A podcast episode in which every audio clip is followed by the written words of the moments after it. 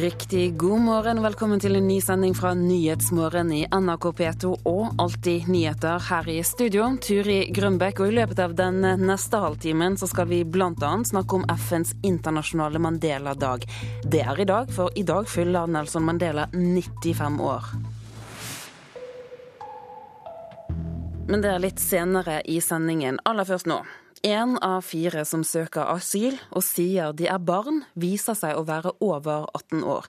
Det er rekordmange, viser tall fra Utlendingsdirektoratet. Siden april har direktoratet kunnet røntgenundersøke alle ungdommer som kommer til Norge, for å finne ut hvor gamle de er.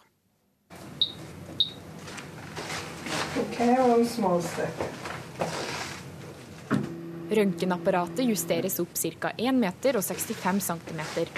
Der treffer apparatet fremtenneren til gutten fra Nigeria.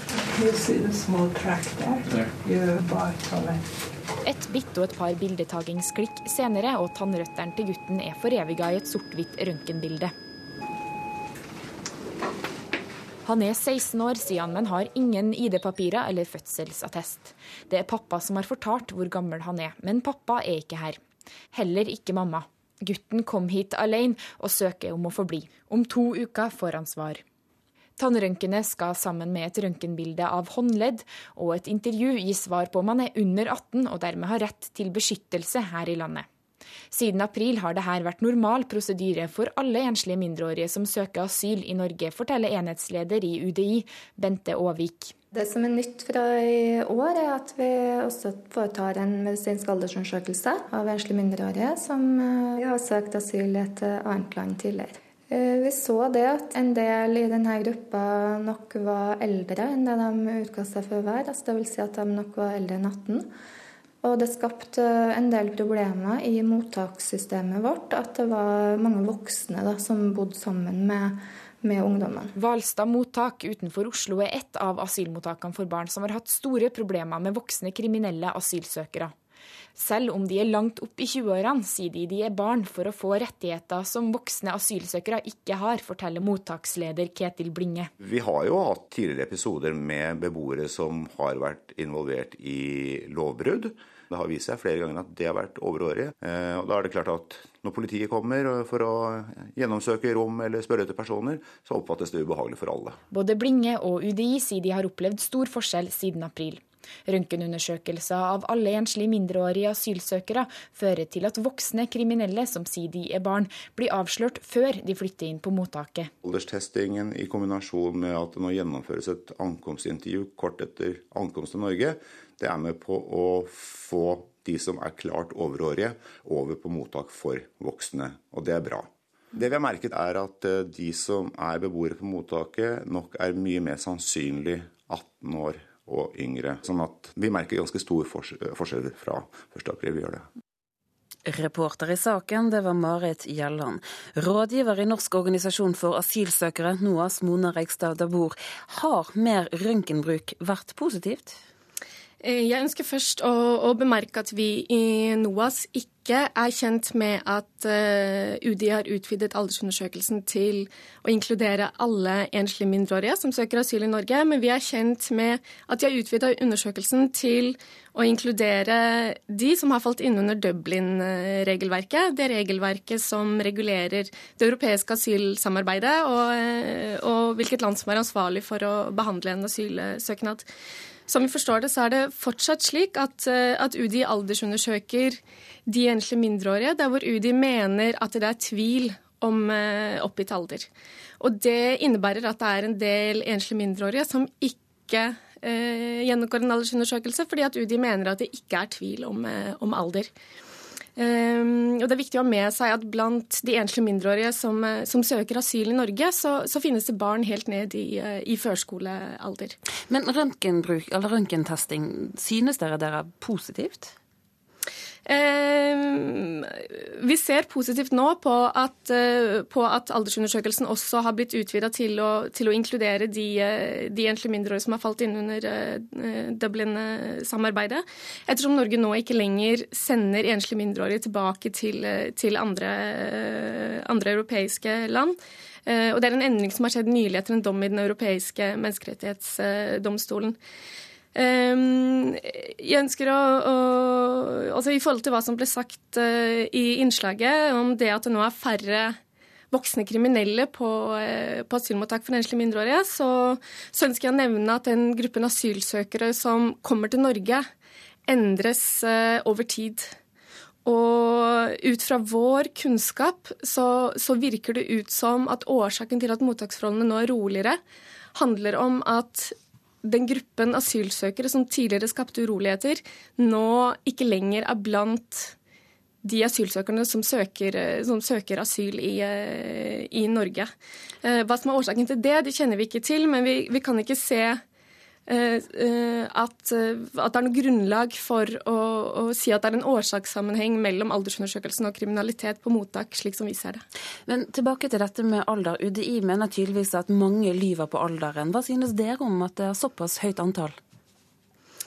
vi er kritiske til hvordan aldersundersøkelsen gjennomføres i dag de metodene som brukes, som er en tannundersøkelse og en håndrotundersøkelse og eh, en undersøkelse av, eh, av hånden, altså røntgen av hånd og håndrot, eh, dette er metoder som ikke har blitt utvikla for å fastsette en ukjent alder, og, og det har store, store feilmarginer.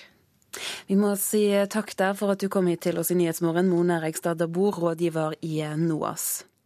Vi skal til Frankrike nå, der konen til Varg Vikanes sent i går kveld ble sluppet fri fra arresten.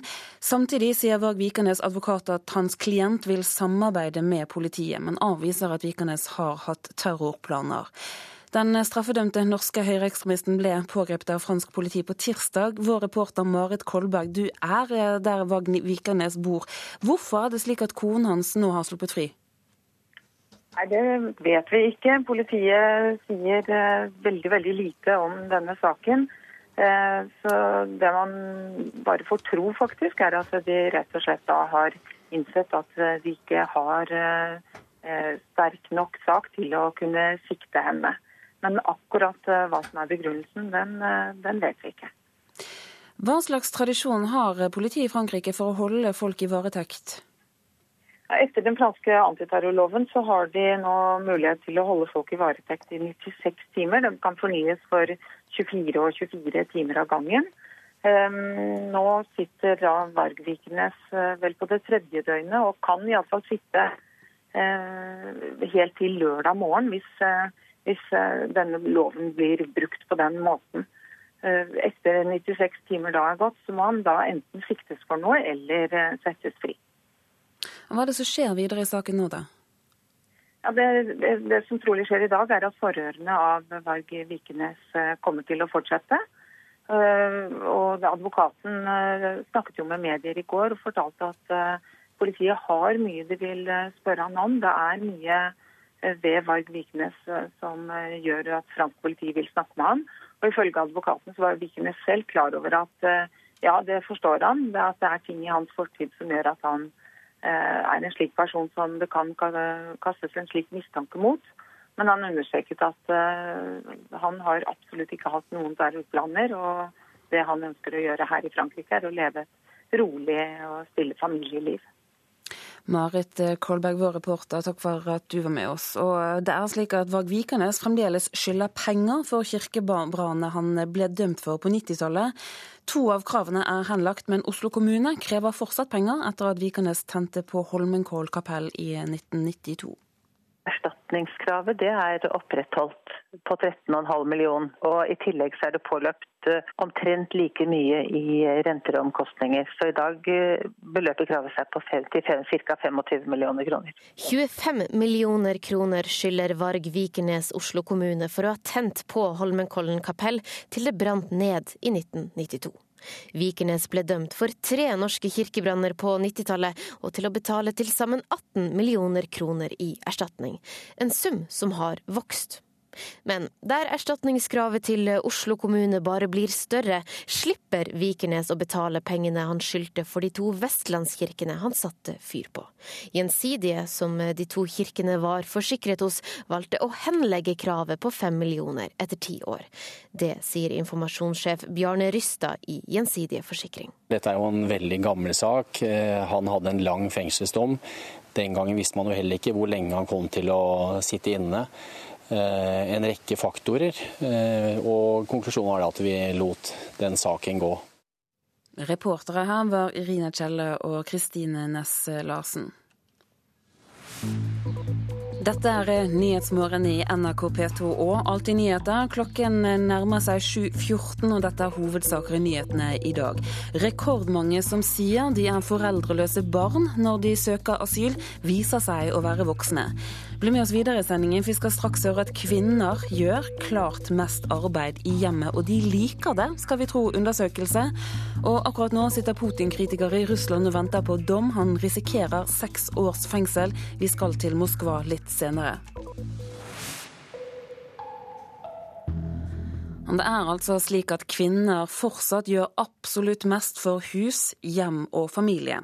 Men de liker det, ifølge en ny undersøkelse. Åtte av ti kvinner er fornøyd med at de gjør klart mest hjemme. Dette er overraskende og bra, mener Bård Hoksrud fra Fremskrittspartiet. Jeg synes Det er veldig overraskende undersøkelse, men jeg synes det er eh, veldig interessant. og Det viser altså at eh, det er forskjell på kvinner og menn, og at eh, kvinnene faktisk liker å holde på hjemme og pusle med ungene kanskje mer enn det mennene gjør. Og Jeg fall man skal ta inn over seg at kvinnene syns dette er ålreit, og det er sånn de syns det er greit at det skal være. YS-forbundet Negotia har gjort en dybdeanalyse som avdekker at kvinner ikke bare tar mest ansvar for hus, hjem og familie, men at de er like tilfredse med denne arbeidsdelingen som menn er. Kvinnene oppgir at partnerne gjør mest hjemme i rundt 2% av tilfellene. Det overraskende er at de liker det, sier nestleder Arnfinn Korsmo i Negotia. Ja, Det er jo det som overrasker oss. At kvinnene er faktisk fornøyd med å ta større ansvar for dette. 80% er fornøyd med at slik skal vi ha det. Jeg har ikke tenkt å legge meg opp i hvordan folk eh, deler eh, oppgaver hjemme. Jeg er glad for at eh, de fleste later til å være fornøyd med sine liv i Norge. Sånn tror jeg det. Det overrasker meg ikke på noen måte. SV-leder Audun Lysbakken mener likevel at tidligere undersøkelser viser at par trives best sammen når de deler på oppgavene hjemme. All forskning viser også at de som lever likestilte liv, og som deler på oppgaver og byrder, er aller mest fornøyd.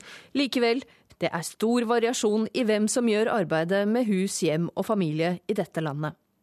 Og Fremskrittspartiets Bård Hoksrud vet hvem som bør ta lærdom av kunnskapen. Og Da er det kanskje sånn at feministkvinnene, som er veldig opptatt av og at de har fasiten på hva som er likestilling, kanskje bør ta inn over seg at kvinnene ønsker en annen måte å styre livet sitt på. Reportere her var Hedvig Bjørgum og Sindre Heierdal. Det blir mer i Politisk kvarter klokken 7.45. Vi skal til Russland nå, for i dag har det kommet dom i straffesaken mot ordførerkandidat og blogger Aleksej Navalnyj.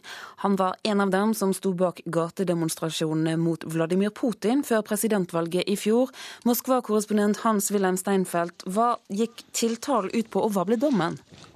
Ja, Tiltalen har gått ut på brudd på den russiske straffeloven eh, paragraf 160 for underslag og svindel i størrelsesorden 16 millioner rubler, eller eh, 3 millioner kroner da Navalny, Aleksej Navalny, som er ordførerkandidat fra i går her i Moskva, eh, arbeidet for guvernøren i området der byen Kirov ved Volga ligger, så bidro han til å selge 10 000 kubikkmeter eh, tømmer fra et eh, offentlig eid firma som het Kirov Skog.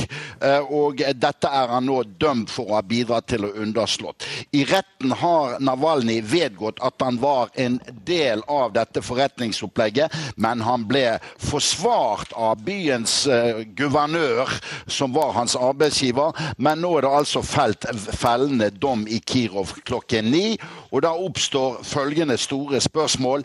Vil han bli satt inn, eller vil han i kraft av å være kandidat til ordførervalget her i Moskva i september uh, kunne påberope seg politisk immunitet? Tilhellingerne hans, hvordan ser de på straffesaken?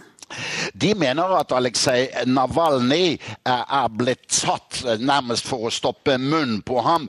Gud og hvermann i russisk næringsliv har sine svin på skogen, og tilhengerne mener at denne saken ble plukket ut til straffeforfølgelse for å kneble en av de kraftigste kritikerne av Vladimir Putin. I går så ble han som du sier, registrert som kandidat til valget på ny borgermester i Moskva. Merkes dette i Moskva? Ja da, hans tilhengere var allerede i går ettermiddag ute ved T-banestasjonene og spredte en løpeseddel om Navalny, som på vegne av Russland vil reformere Moskva. Og denne, denne registreringen som ordførerkandidat fikk han faktisk hjelp til fra Vladimir Putins parti. for Forent Russland, og ganske mange eh, deputerte i bydumaen i Moskva skrev under på at de ønsket at Navalnyj skulle få stille seg kandidat mot Putins mann, ordfører Sergej Sabjanin. Åpenbart er strategien politisk at han skal være en nyttig idiot for Putins parti og så å si sikre alibiet for mangfold ved dette valget. Men som ofte i denne staten så oppstår da paradokset. Makten vet ikke hva høyre hånd gjør når venstre hånd gjør en annen. Og nå blir det en nøtt å knekke om Navalny skal settes inn, eller faktisk forstå gjennom valgkampen og delta i valget til ordfører her i Moskva i begynnelsen av september. Skulle han mot formodning bli valgt, ja, så blir han politisk immun mot fengsling. Hans-Wilhelm Steinfeld, takk skal du ha. I dag er det FNs internasjonale Mandela-dag. Dagen ble innstiftet for fire år siden. Den faller på Nelson Mandelas fødselsdag, for i dag blir han 95 år. Dagen skal brukes til å gjøre gode gjerninger, utenriksmedarbeider Tom Christiansen. En slags speiderdag, dette?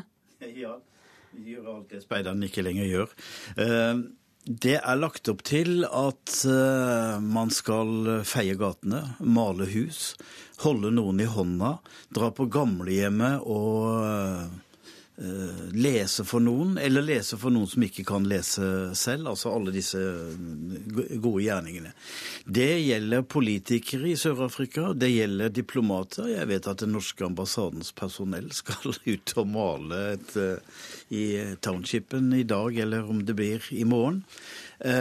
Alt dette er eh, i regi av Nelson Mandelas egen stiftelse, som har sagt la oss bruke 64, 60, 67 minutter til det gode. Mandela ga 67 år av sitt liv til, eh, til politikk, til kampen for det gode, så da kan vi gi han ett minutt per år. Og dette har blitt en internasjonal dag i regi av FN? Ja, FN har eh, etablert det som, eh, og det er vel den eneste, eh, person som har fått en dag, FN-dag oppkalt etter seg selv. Det var en FN-resolusjon som ble vedtatt i desember 2009 på et par sider, hvor det står at man skal hedre, hedre Nelson Mandelas ideer og hans arbeid og visjoner med en egen dag, og alle land er pliktige å rapportere tilbake til FNs generalsekretær hvordan de har markert denne dagen. Og her har man altså da fått hjelp til litt sånn speiderlignende ting. Men dette er nok viktigere i Sør-Afrika enn andre steder. Men Sør-Afrika ser helt annerledes ut i dag enn det gjør på en vanlig dag, altså med alle snille mennesker som gjør gode ting. Men Mandela selv, han feirer ikke dagen sin akkurat. Hvor syk er han nå? Ja, De siste beskjedene vi har fått fra hans nære slektninger, er at han er bemerkelsesverdig bedre. Men det betyr ikke mer enn at han kan løfte en hånd til en hilsen. Han kan nikke på hodet, og han kan blunke og gi et, et, et signal. Så Hodet fungerer nok, men fysisk er han veldig, veldig svekket. Og hvis dette er bemerkelsesverdig bra, så vet vi jo i og for seg ellers at han fortsatt eh, er veldig, veldig syk. Er det besluttet noe om når respiratoren blir slått av? Ja, det har familien uttalt seg om. Eh, den skal slås av i det øyeblikk andre vitale organer enn lungene svikter, som nyrer og, og, og lever. Da vil den bli slått av i samråd med legene. Og mer presist er det ikke blitt sagt om det. Men afrikanere syns jo dette er helt forferdelig å høre på. Afrikanere har et veldig naturlig forhold til døden. Det er noe som kommer, og så er det over. Og det at horder av journalister kommer fra hele verden til å stå der og vente på at Mandela skal dø, det er for dem helt ubegripelig. Tom Kristiansen, takk for at du var med oss her i Nyhetsmorgen. Vi skal nå kikke nærmere på dagens avisforsider. Arrestasjonen av Varg Vikernes preger nyhetsbildet i dag også. Han og familien ville leve av å fange sin egen mat. Det var derfor de kjøpte rifler. Det skriver Bergens Tidende. Aftenposten skriver også om disse fire riflene, og at Vikernes sier de er til jakt. Dessuten skriver avisen at fransk politi mistenker at våpenet skulle brukes til terrorplaner. Andre saker i dag. Regjeringen får kritikk for måten de håndterer asylsøknaden til den tidligere agenten Edward Snowden på. Det er Stein Ørnhøy som er ute og er rasende på forsiden av Dagsavisen. Kvinnen som er voldtatt og dømt til fengsel i Dubai, forteller om marerittet i VG. 24-åringen har anmeldt en kollega for voldtekt. Selv ble endte det med at hun ble dømt til 16 måneder i fengsel for sex utenfor ekteskapet. Nynazister lærer våpenbruk og kamptrening i den franske Fremmedlegionen. Det er en av overskriftene i Vårt Land. Nynazisme er et marginalt, men farlig fenomen i Europa, mener forskere, og det er en av sakene til Klassekampen. Avisen skriver også at Arbeiderpartiet kommer til å bli større enn Høyre ved stortingsvalget i høst. Her baserer avisen seg på en ny måte å beregne meningsmålinger på. Stemmer Høyre for et friere sexsalg, skriver Adresseavisen. Det handler om en sexarbeider som vil ha fjernet sexkjøpsloven, bl.a. fordi hun mener den skaper et farligere marked. Og Nasjonen slår opp en sak om at det må bli lettere å få tillatelse til å felle rovdyr. Det mener flere organisasjoner. Og sommerværet, det er toppsaken i Dagbladet. Landbruket i distriktene kommer til å forsvinne med Fremskrittspartiet i regjering. Det mener leder i Rogaland Bondelag, Ole Andreas Byrkjedal. Frp vil legge om norsk landbruk og heller satse på de store gårdene. Dette vil få dramatiske følger for Bygde-Norge, mener Bondelaget, og få støtte fra Senterpartiet. Nå skal vi ut og gjødsle noe på kulturbeite. Lederen for Bondelaget i landbruksfylket Rogaland, Ole Andreas Byrkjedal, er travelt opptatt med gjødsling av jorda si og å advare mot Frp i regjering. Jeg frykter det at vi kan få en avvikling av landbruk ute, ute i bygdene, og vi får en avfolkning ut av bygdene, og vi får en folkeflytning fra bygdene og inn til de bynære områdene. Som en ytterste konsekvens av FrPs politikk. Og Bondelaget får full støtte av Senterpartiet og stortingskandidat Geir Pollestad. Det vil ha enorme konsekvenser, fordi at de har varsla store kutt. Jeg tror det er de store brukene som vil tape mest på Fremskrittspartiet sin politikk. Nei, landbruket vil ikke bli avvikla med Frp i regjering. Svarer stortingskandidat for Fremskrittspartiet Roy Steffensen. Han sier Frp vil satse mindre på de små brukene, men mer på de store. Målet er at dess større gårdene blir, dess mer kan de klare å drive uten støtte. Men fram til noe sånt skjer, så vil vi gi subsidier, vi òg. Frp påpeker at heller ikke Senterpartiet har klart å stanse en massiv nedlegging av norske gardsbruk i sine åtte år i regjering. De sju siste åra har om lag 6000 bønder lagt ned drifta. Bondelagslederen i Traktoren tror utsiktene likevel blir langt verre med ei blå-blå regjering. Jeg tror de må ta seg en tur ut i Distrikts-Norge og se hvordan dette landet er formet. For det er helt umulig å drive stordrift i dette fjord- og fjellandskapet som vi har over store deler av landet vårt. Reporter her var Magnus Stokka. Et amerikansk tidsskrift skaper overskrifter før det er i hyllene. Det er Rolling Stone som har en forside med mannen som sto bak Boston-bommene, og dette skaper avsky. Flere butikker sier at de ikke vil selge Rolling Stone. Bostons borgermester Tom Menino raser. Han har klaget til utgiverne og spør hvorfor de belønner en terrorist med kjendisbehandling. Menino mener Rolling Stone heller burde skrevet om de som overlevde Boston Marathon, og dem som hjalp til de første minuttene da bombene smalt. I augustutgaven, som ennå ikke er i hyllene, men tilgjengelig på internett, har magasinet Rolling Stone slått opp et profilbilde av den mistenkte terroristen Jokar Sarnayev. Bildet ble mye brukt av amerikanske medier de første dagene etter terrorhandlingen. Han ligner mer på en ung utgave av Bob Dylan eller Jim Morrison enn 19-åringen som erklærte seg ikke skyldig i samtlige 30 tiltalepunkt i retten forrige uke.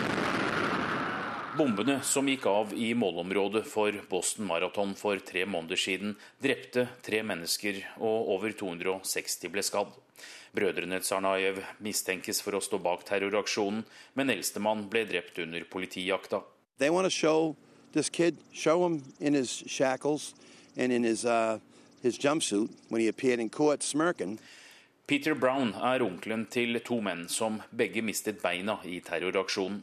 Don't show him as a 19 year old or an 18 year old kid that looks like he's supposed to be playing in a band. Show what he stands for. Også på sosiale medier er folk rasende på tidsskriftet, som de mener framstiller Sanayev som et idol.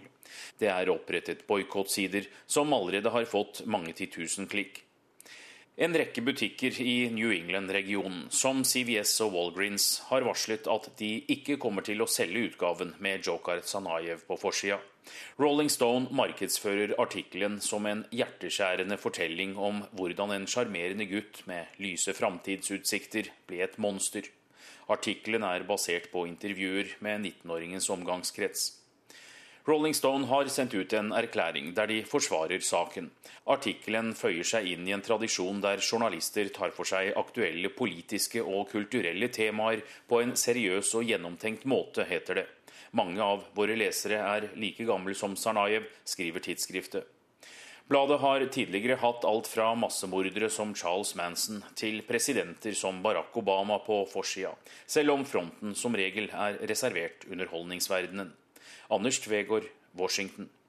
Og du lytter til Nyhetsmorgen. I løpet av den siste halvtimen har vi snakket om at kvinner elsker å gjøre husarbeid, og det er dem som gjør mest hjemme. Politisk kvarter tar debatten fiffig nok kun med menn som skal diskutere. Produsent i dag, Vidar Eidhammer. Her i studio, Turi Grønbekk.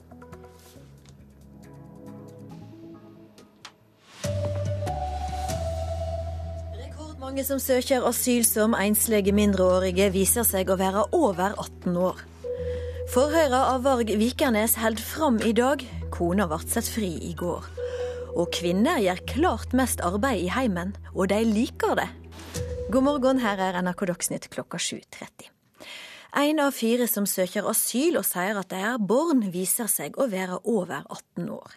Siden april har UDI røntgenundersøkt alle asylsøkere som sier at de er under 18 år og ikke har foreldre.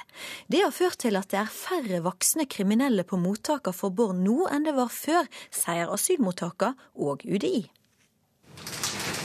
You see the small track there? there. Røntgenapparatet justeres opp ca. 1 meter og 65 cm. Der treffer apparatet fremtenneren til gutten fra Nigeria. Pappa har sagt han er 16 år, men pappa er ikke her. Og han har heller ingen fødselsattest eller ID-papirer som sier noe om hvor gammel han er. Tannrøntgenet skal sammen med et røntgenbilde av håndledd og et intervju gi svar på om han er under 18 og dermed har rett til beskyttelse her i landet. Om to uker får han svar. Siden april har dette vært normal prosedyre for alle enslige mindreårige som søker asyl i Norge, forteller enhetsleder i UDI, Bente Aavik. Vi så det at en del i denne gruppa nok var eldre enn det de utga seg for å være. Altså Dvs. Si at de nok var eldre enn 18. Og det skapte en del problemer i mottakssystemet vårt. At det var mange voksne da, som bodde sammen med med ungdommen. På Hvalstad mottak utenfor Oslo har de tidligere hatt problemer med voksne kriminelle asylsøkere som sier de er barn, for å få rettighetene de voksne ikke har. Men siden april har beboerne vært så gamle som de egentlig skal være for å bo på mottaket, sier mottaksleder Ketil Blinge. Det vi har merket er at eh, de som er beboere på mottaket, nok er mye mer sannsynlig 18 år og yngre. Sånn at vi merker ganske stor forskjell fra 1. april. Vi gjør det. Reporter var Marit Gjelland. Kona til Varg Vikernes ble seint i går kveld sett fri fra arresten i Frankrike. Samtidig sier advokaten til Varg Vikernes at klienten hans vil samarbeide med politiet, men avviser at Vikernes har hatt terrorplaner. Den straffedømte norske høyreekstremisten ble tirsdag pågrepet av fransk politi, og reporter Marit Kolberg, du er med oss fra Corrèze, der Varg Vikernes bor. Hvorfor er kona hans sett fri? Det er det ingen som vet. Eh, fransk politi forteller veldig lite i denne saken. Så før vi eventuelt får tak i advokaten hennes, så er det ikke lett å svare på det.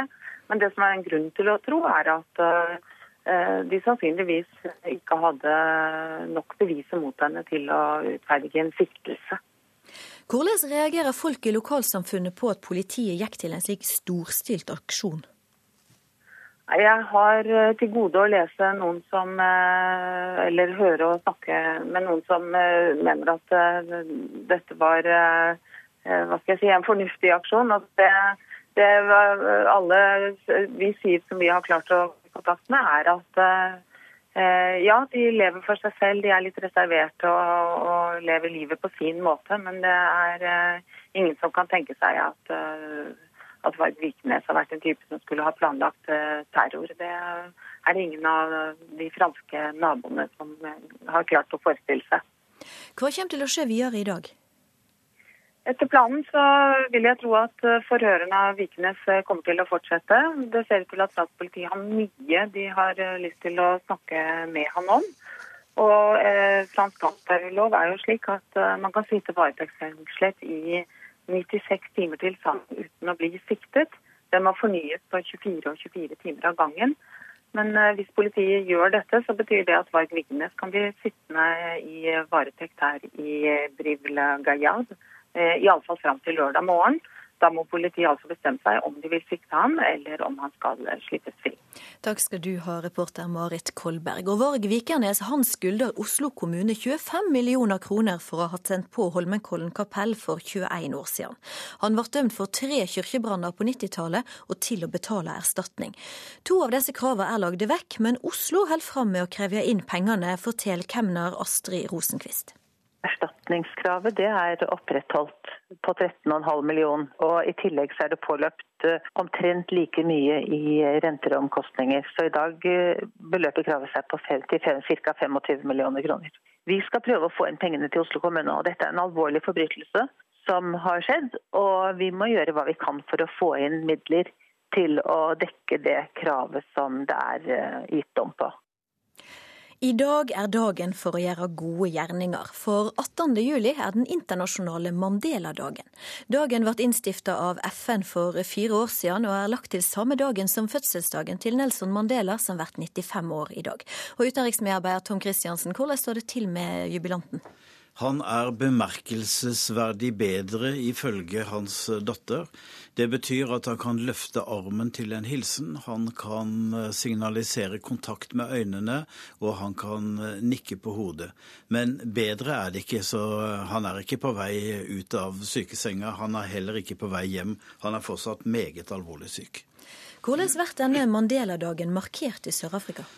Sørafrikanere og vi alle er blitt bedt om å sette av 67 minutter, for Mandela var aktiv i 67 år, ett minutt for hvert år, til å gjøre gode gjerninger. I Sør-Afrika skal de feie veiene, male hus, holde noen i hånda, lese for noen som ikke kan lese.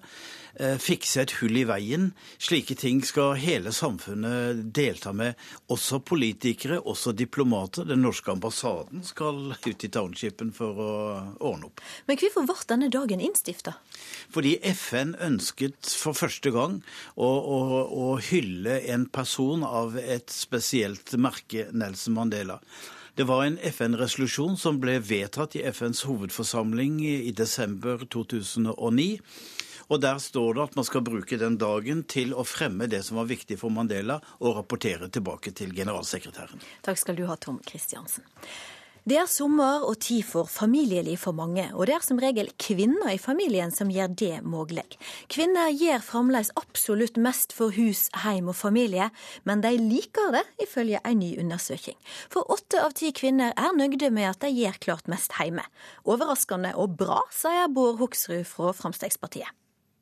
Jeg synes Det er veldig overraskende undersøkelse, men jeg synes det er eh, veldig interessant. og Det viser altså at eh, det er forskjell på kvinner og menn, og at eh, kvinnene faktisk liker å holde på hjemme og pusle med ungene kanskje mer enn det mennene gjør.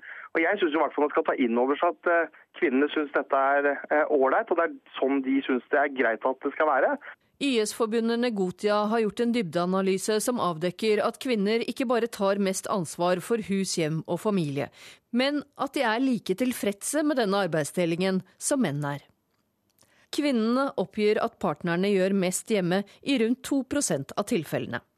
Det overraskende er at de liker det, sier nestleder Arnfinn Korsmo i Negotia. Ja, Det er jo det som overrasker oss. At kvinnene er faktisk fornøyd med å ta større ansvar for dette. 80% er fornøyd med at slik skal vi ha det. Jeg har ikke tenkt å legge meg opp i hvordan folk eh, deler eh, oppgaver hjemme. Jeg er glad for at eh, de fleste later til å være fornøyd med sine liv i Norge. Sånn tror jeg det. Det overrasker meg ikke på noen måte. SV-leder Audun Lysbakken mener likevel at tidligere undersøkelser viser at par trives best sammen når de deler på oppgavene hjemme. All forskning viser også at de som lever likestilte liv, og som deler på oppgaver og byrder, er aller mest fornøyd. Reportere Hedvig Bjørgum og Sindre Heierdal. Og debatten om heimearbeid hører du i Politisk kvarter klokka kvart på åtte. Nå fotball-EM, for optimismen rår som aldri før i det norske laget etter 1-0-triumfen mot Tyskland i går. Landslagsjentene tror at de kan prestere enda bedre. Ja, Vi skal høre litt. Jeg får høre litt. Det skal jeg absolutt. Tysklandsproff Ada Hegerberg vil gni det inn til tyske klubbvenninner at Norge mot alle odds vant gruppe B i EM i går. Norge har slått den regjerende mester Tyskland. For en triumf! Norge med suksess i Europamesterskapet i fotball! Og kvartfinaleklare Norge er på ingen måte urolige for fortsettelsen. Nei, nei, vi er stigende kurve, så kommer mer. Sier Elise Thorsnes. Norge kan gå hele veien og med litt flaks vinne Europamesterskapet. NRKs kommentator Olav Tråen har brått blitt optimist på Norges vegne. Selv om eh, jeg opplever at Sverige og Frankrike er bedre fotballag. Nå venter enten Spania, England eller Russland i kvartfinalen. Og hvem av de det blir Det spiller ingen stor rolle. Norge bør kunne vinne uansett hvem av de det blir. Vi bare håper det fortsetter. Vi håper det blir mer enn én kamp til. Reporter Hans Henrik Løken. Ansvarlig for denne sendinga var Anne Skårseth, teknisk ansvarlig Guri Hertzberg Finnsveen, og i studio Ragnhild Bjørge.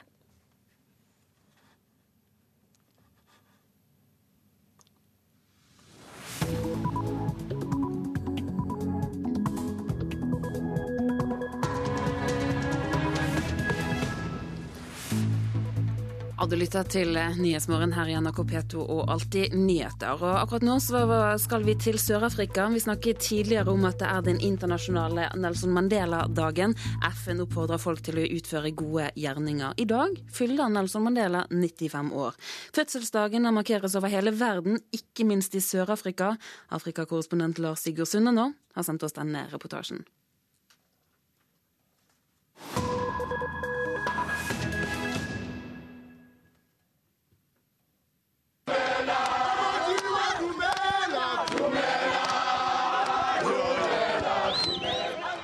Hallo Madiba, hallo Madiba. Studentene fra Tsvani universitet i Pretoria håper Nelson Mandela hører dem der de har samlet seg foran sykehuset, der han fortsatt kjemper for livet med lungebetennelse på intensivavdelingen. De har møtt frem for å gratulere med 95-årsdagen, og for å be at han kommer seg på beina igjen. I dag er det 41 dager siden han ble lagt inn, og tilstanden er fortsatt kritisk, men stabil som det heter i kunngjøringene som sendes ut med ujevne mellomrom fra president Jakob Sumas kontor. Studentene og millioner på millioner av sørafrikanere innser at det kan gå mot slutten for deres store og kjære frigjøringshelt, fredsprisvinner og landsfader. Men de vil ikke gi slipp på Madiba riktig ennå. De ber til Gud om at han må klare seg denne gangen også. We hope that God, you are going to listen to our prayers and He he may have a, a speedy recovery. Hence, we are praying as we are here. We lay our hearts to you, God. We bring everything to you. We know that everything is possible with you, Lord our Father. Amen. Også 63 år gamle Tombelanga Belina Kisa ber for Mandela utenfor sykehuset. Hun er kommet fra hans hjemtrakter i den østlige Kapp-provinsen og er i hovedstaden for første gang. Hun ville hit ikke bare fordi Madiba er blitt 95 år gammel, men også fordi det er den internasjonale Nelson Mandela-dagen i dag. Dagen da FN ber alle som kan, sette av 67 minutter til gode gjerninger. Ett minutt for hvert år Mandela slåss for sine idealer i offentligheten. Ndiyathanda nje kuba bonke umntu angonwaba angaziva entliziyweni yakhe ekhululekile Det er mitt ønske at alle skal være lykkelige, frie og be for Madiba, sier hun.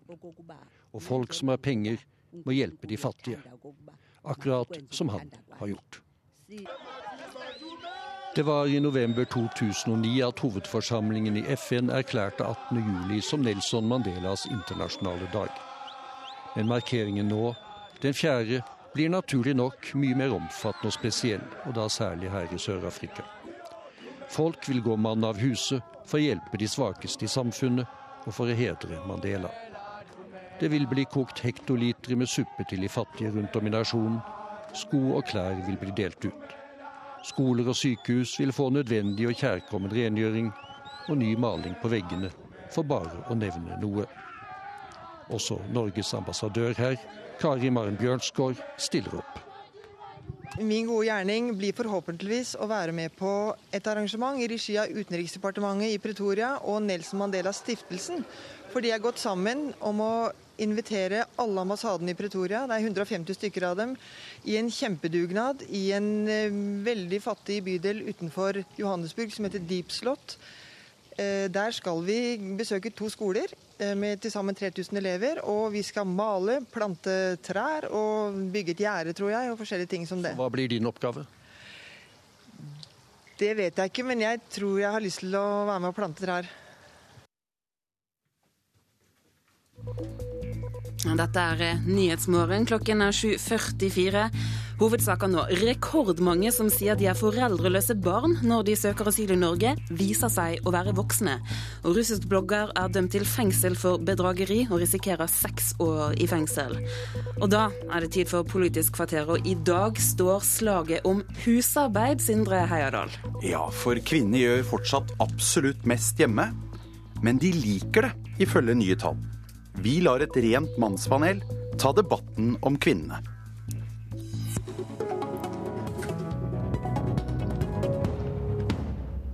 Er egentlig likestillingen i Norge i mål? YS-forbundet Negotia har spurt 3000 arbeidstakere. Nestleder Arnfinn Korsemo fikk resultater som han slett ikke hadde ventet seg. Arbeidslivsbarometeret til YS viser at kvinner gjør mest hjemme. De står for familielivet, mens mannen står for arbeidslivet. Funnene våre viser at det er en mye større andel av kvinner som tar ansvar for hus, hjem og familie, enn mann. Hvor fornøyde er kvinnene med dette, da? Ja, Det er jo det som overrasker oss. At kvinnene er faktisk fornøyd med å ta større ansvar for dette. 80% er fornøyd med at slik skal vi ha det. Og det er en eh, overraskelse for oss. Ja, SV-leder Audun Lysbakken, de fleste kvinner er altså fornøyde, sier Negotia. Er du skuffet over denne undersøkelsen? Nei, jeg er veldig glad for at folk er fornøyde. Heldigvis viser vel denne og mange andre undersøkelser at mange mennesker lever gode liv i Norge. Men så er det nok grunn til, når jeg har sett på disse tallene, å, peke på eh, en del ting som ikke er så bra. Eh, for det første så viser han, som innslaget også nevnte, at eh, fordelingen av ansvaret i hjemmet er forbausende tradisjonelt og skjevt fordelt i Norge. Og så viser han at det er klart flere kvinner kvinner enn menn som er misfornøyde med hvordan husarbeidet er fordelt i sine familier. Og så er det én liten svakhet ved presentasjonen her, fordi denne undersøkelsen viser ikke hvem det er som er fornøyd. Og annen forskning viser veldig tydelig at det er i de familiene der det er stor grad av likestilling, at både kvinner og menn er aller mest fornøyd. Og det er også de parforholdene som har en tendens til å stå seg best over tid. Så det aller meste av forskning viser at likestilling er bra, at likestilling gjør mennesker friere, og at likestilling gjør mennesker lykkeligere. Men vi hadde jo også da en, en NOVA-rapport eh, i fjor som, eh, som, viste noe av det samme. Altså Det var vel 76% av kvinnene var mest var tilfredse til tross for at de gjorde mest hjemme. Ja, men jeg viste også at et klart høyere tall var tilfredse blant de som delte eh, likest. Eh, og det her er jo ikke en konkurranse om, eh, om, hvem som har det best og hvem som har det dårligst, og heller ikke en påstand om at eh, kvinner som lever i familier som deler mer tradisjonelt, er ulykkelige. Det er ikke det som har vært utgangspunktet for likestillingspolitikken. Likestillingspolitikken den har vi for at både kvinner og menn skal kunne velge friere. De som velger tradisjonelt, skal få gjøre det, men det skal ikke være sånn at tradisjonelle kjønn kjønnsroller gjør at noen oppgaver er kvinner sine, og noen oppgaver er menn sine. Og Så er det ett problem med den skeive oppgavefordelingen i hjemmet, og det er at den legger sterke begrensninger på hva kvinner kan gjøre i arbeidslivet. Det er den som gjør at mange kvinner jobber eh, deltid, den som gjør at mange kvinner blir pensjonstapere, eh, og den som gjør at kvinner gjennomgående kommer kortere når det gjelder lønn og karriere enn menn. Og Hvis vi ønsker å gjøre noe med det og skape like muligheter i arbeidslivet, så bør vi fortsette å jobbe for mer likestilling i hjem. Vi har også med oss eh, Bård Hoksrud i Fremskrittspartiet. Hvordan tolker du disse tallene? Er likestillingen nå i mål? Jeg tror i hvert fall at det er over, jeg synes, jeg synes det er overraskende tall som vi får, eh, får på bordet nå. Eh, og så sier du også at det har vært én undersøkelse tidligere som signaliserer noe av det samme. Eh, men det er klart det er overraskende at kvinnene er fornøyd med eh, situasjonen sånn som det den er. Og det betyr kanskje at noen av de feministene, SV-politikere, som liksom på mange måter har vært de som har vært fanebærende for likestillingskampen, ikke nødvendigvis er de som har fasiten på hva vanlige kvinner mener er viktig, og, og hva de prioriterer. Altså jeg enig med Audun Lysbakken i dette her med deltid og den type ting.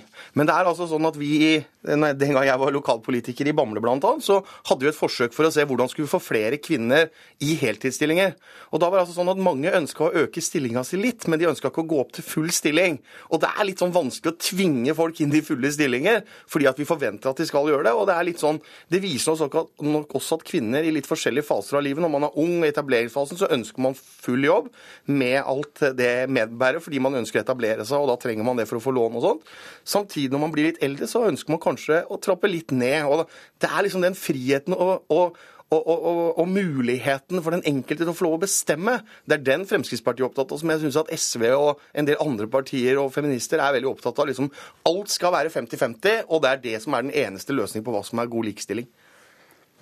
Det er jo feil. Det vi er opptatt av, er at det ikke skal være sånn at du blir presset inn i bestemte roller fordi du er kvinne eller mann. Sånn har det vært i Norge. Sånn er det ikke lenger, men det er dessverre ikke uh, sånn at vi er i mål ennå. Og denne undersøkelsen viser jo det. Den viser at arbeidet arbeidet hjemme er uh, svært skjevt fordelt i veldig mange norske familier. Ja, altså Det er 1,6% av kvinnene som sier at mannen gjør mest hjemme. Ja, og så ser jeg at det er noen flere menn som mener at det er likt fordelt. Men det kan hende at det ikke er helt tilfeldig at det oppfattes noe ulikt. Men, men poenget er altså at Ingenting i denne undersøkelsen sier at norske kvinner eller norske menn for den del ikke ønsker mer likestilling. Eh, og Den store likestillingsrapporten fra NOVA i fjor den viste veldig tydelig at de aller mest fornøyde er de som lever i familier som fordeler noenlunde likt. Og Da er jo spørsmålet ikke hvordan vi skal få alle til å dele akkurat likt eller gjøre det samme. Det er ikke det likestillingspolitikken handler om. Det handler om hvordan skal vi gi mennesker muligheter til å ta frie valg. Og Der er SV og Fremskrittspartiet helt uenige. Eh, Frp de kombinerer en konservativ familiepolitikk med en markedsliberal arbeidslivspolitikk. I sum betyr det ingen likestillingspolitikk. Vi er opptatt av å kjempe for at du skal kunne slippe mannen mer til hjemme. Da må vi ha tiltak som fedrekvoten, som gjør at menn faktisk får muligheten til det. Vi er opptatt av å fortsette barnehagereformen, og vi vil ha to opptak i året, sånn at det ikke skal bli en sånn skvis for uh, foreldre mens de venter på uh, å få plass i barnehage. Vi er opptatt av å fortsette kampen mot ufrivillig deltid, fordi vi vet at det er en veldig nær sammenheng mellom kvinners kår i arbeidslivet og hvordan familielivet blir. Jeg vil veldig gjerne være med å ta den, den kampen i forhold til det med, med, ufrivillig deltid. Det er vi veldig opptatt av. Vi har, som sagt, jeg har sjøl vært med og prøvd å se hvordan vi skal klare å få flere kvinner til å få, få fulltidsstilling, men det er altså ikke så enkelt som det Audun Lysbakken prøver å framstille det. Og så er det sånn at forskjellen på SV eh, og Fremskrittspartiet, er at vi er opptatt av at familiene i større grad skal få lov å bestemme sjøl. Og mange kvinner ønsker å være med å ta de bestemmelsene og beslutningene sammen i familien. Og da syns vi det er feil at man liksom sier at den delen av, fedre, av, av pappa, eller permisjonen den skal gå til mann, og den delen skal gå til kvinne. Det bør egentlig være opp til familien sjøl å bestemme. Og så skal vi ha et lovverk og et regelverk som er veldig klart og tydelig, som gjør at man ikke skal risikere at arbeidsgiver og andre sier at dette kan du ikke gjøre fordi er, vi har det så tøft på jobben og det er vanskelig for deg å ta permisjon. Fordi det må helt og holdent få lov å være opp til familien eh, og mann og kone sammen og få lov å bestemme. Men, men det som er poenget bare er at likestillingspolitikken har jo gitt familiene økt valgfrihet. Altså Hvis du ser på det vi har, eh, kanskje verdens rauseste permisjonsordning i dag, så er det ingen tvil om at det har gitt norske familier langt større frihet til å velge å kombinere arbeid og barn, til å velge å få flere barn, som jo stadig flere får, som er en god utvikling for Norge, og til å sørge for at også kvinner har like muligheter i arbeidslivet som menn. Og da eh, er jo det, det har vært en frihetsreform, det. Og den historien om permisjonen viser jo veldig tydelig at det er venstresiden som har gått foran for å skape økt frihet for familiene. Ja, men det er jo ikke, økt, økt frihet for familiene når du sier at du skal ta de tolv ukene hvis du er pappa. Hvis ikke så får du ikke lov. Og, vi har 49 uker permisjon. Vet du hvor mange av de 49 ukene som er innført under en borgerlig regjering? Én! 48 åtte uker har kommet under rød-grønt styre eller Arbeiderparti-regjeringer. Og det viser veldig tydelig hvem som har gått i bresjen for økt frihet. Men, men, men, når du tar fra den ene delen, hvis man ikke tar pappapermisjon, så tar man det bort, og da får altså ikke familien lov å disponere det, de ukene. Det er jo det vi mener er helt, for, helt, feil, og det er da man også bommer i forhold til likestilling. Fordi man liksom skal tvinge noen til å ta så mye permisjon, og så skal man tvinge den andre til å ta så mye permisjon, og så skal man få lov å liksom velge det siste som er igjen sjøl. Det, det er en håpløs greie. Audun Lysbakken. Dette bør være opp til familien. Og jeg er enig i at ja, vi har en del ting å gjøre fortsatt på likestillingsområdet for å få, eh, få likestilt mest mulig. og Der tror jeg også kvinnene bør være aktivt med. Men det må ikke være sånn at det er SV-erne og feministene som skal få lov å bestemme hva som er god likestilling og ikke god likestilling. Og det viser den rapporten her klart og tydelig, at vanlige kvinner de syns at de har det bra, og de syns at de liker å holde på å være den som er mest aktiv i hjemmet. Og det syns jeg er bra hvis det er sånn kvinner vil ha det. Vi må være på kvinners premisser, ikke på noen kvinners premisser og feministenes premisser. Den, denne rapporten viser ikke at norske kvinner er enig i Fremskrittspartiet sin manglende likestillingspolitikk. bare så det er sagt. Den eh, viser at mange i Norge syns de lever gode liv. Det må jeg være veldig glad for. Veldig Men det sier ingenting om at ikke kvinner eller menn for den saks skyld ønsker mer likestilling. Det tror jeg veldig, veldig mange gjør. Så, men, så, men Lysbakken, er kvinner naive når de er fornøyde med en skjev eh, arbeidsdeling hjemme? Nei, overhodet ikke. Og, uh, og, mange mennesker tar ulike valg. Og jeg vil ikke kritisere noen sine valg. Jeg. Fordi det kan også Hva slags holdninger du har til disse spørsmålene, vil selvfølgelig også ha noe å si for om du er fornøyd med hvordan din egen familie er organisert eller ikke. Uh, og vårt mål er at folk skal kunne få bestemme det sjøl. Men så, sier, så må jeg bare si igjen at sånn, denne undersøkelsen sier ikke hvem det er som er mest fornøyd. NOVA sin rapport viser veldig tydelig at de som opplever at de har en lik deling av oppgaver, også er de som er mest fornøyde. Så jeg tror at eh, det er ved å gå i den retningen at flere blir fornøyd. Og så handler likestillingspolitikk om, om å skape frihet, sånn at alle kan ta de valgene. Og den debatten om fedrekvoten den er jo et eksempel på det. For fjerner dere den, sånn som dere vil når dere tar makten, og så må norske menn igjen stå med luen i hånden på sjefens kontor og be om permisjon. Du har notert her, du får siste ord i denne debatten. Ja, altså jeg synes at Vårt mål sier Øyvind Lysbakken, det er at folk skal få lov å bestemme sjøl, men da må man ikke sette sånne reguleringer med, med, fedrekvoter og andre ting som gjør at ikke man får lov til å bestemme sjøl. Familien får ikke lov å bestemme sjøl, og det er ikke god likestilling. Da er den debatten slutt. Takk til SVs Audun Lysbakken og til FrPs Bård Hoksrud.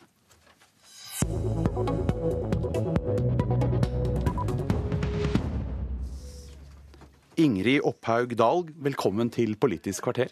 Tusen takk. Ville du vært fornøyd med å gjøre mest hjemme? Nei, jeg tror at hvis jeg skulle gjort mest hjemme, så hadde det blitt gjort veldig lite. Jeg er veldig glad for at de to gutta jeg bor med, gjør noe som helst. Ellers så ja, hadde ikke vi hatt, hatt noen rene tallerkener igjen. og når vasket du gulvet sist? Jeg flytta ut av en leilighet for en måned siden. Da vasker jeg gulvet. Eh, før jeg kanskje husker når jeg vaska gulvet sist, for å være ærlig. De Grønne har plukket deg ut som et av sommerens talenter her i Politisk kvarter. Vi skal nå høre hva partiets talsperson har å si om deg. Ingrid Opphaug er en av våre unge kommende talenter som er eh, talsperson for Grønn ungdom. Eh, begge talspersoner for Grønn ungdom er veldig dyktige. Eh, hun er har et veldig bredt politisk engasjement. Så selv om det er miljøsaken som selvfølgelig binder oss alle sammen, så er Ingrid også veldig faglig dyktig på andre politiske felter og veldig god debattant. Så hun er veldig spent på hvor langt kommer. Ja, det var Hanna Markussen. Men hvordan ville moren din ha omtalt deg? Hmm. Eh, jeg tror mamma hadde sagt at jeg var samvittighetsfull, men kanskje òg litt sta og sur om morgenen. Så ja. Tror mamma hadde sagt. Mm. Er det også stahet som har fått deg til å isbade i vinter? Ja, nå skal jeg jo være ærlig og si at jeg ikke har vært med hver uke, som en del i Miljøpartiet De Grønne har gjort. Vi har badet for en anstendig klimapolitikk hver uke i snart et år. Og det kommer vi til å gjøre helt til vi kommer inn på Stortinget. Eh, det er nok stahet som har fått meg dit òg, og kanskje lysten til å, å være litt tøff. Mm. Og hvis dere ikke kommer inn på tinget, så bader du i fire nye år? Ja, jeg skal i hvert fall være med på noen isbad i løpet av vintrene som kommer frem til 2017. Men jeg er nesten helt sikker på at jeg skal slippe det. I år kommer vi inn på Stortinget. Det er bra, og du står på andreplass på De grønnes liste i Hordaland. Ja. Eh, på flere målinger har dere ett mandat eh, inne. Tror du det holder hele veien? Ja, det tror jeg det gjør. Og da er det kanskje håp om at du selv kan vikariere litt på tinget? Ja, jeg driver og sparer opp penger til å sende Tom Sverre, som er førstekandidat i Hordaland, på sydenferie. Så i en måneds tid, tenker jeg. Ja. Men eh, nå er du 22 år, og du tar også lektorutdanning i Oslo. Det stemmer. Vil du helst bli lærer, eller er det politiker? Det jeg ønsker meg, er å kunne kombinere de to. Jeg tror det er bra hvis flere politikere velger å jobbe i tillegg til sin politiske karriere. Og da ville jo lærer vært en god kombinasjon med politiker. Det går jo bra for De grønne på meningsmålingene, like under sperregrensen på noen. Men likevel er det langt opp til mange søsterpartier. Ja. De grønne har vært i regjering i mange land. I Tyskland vaker de på 25% nå, i Sverige over 8 Hva er det som mangler her?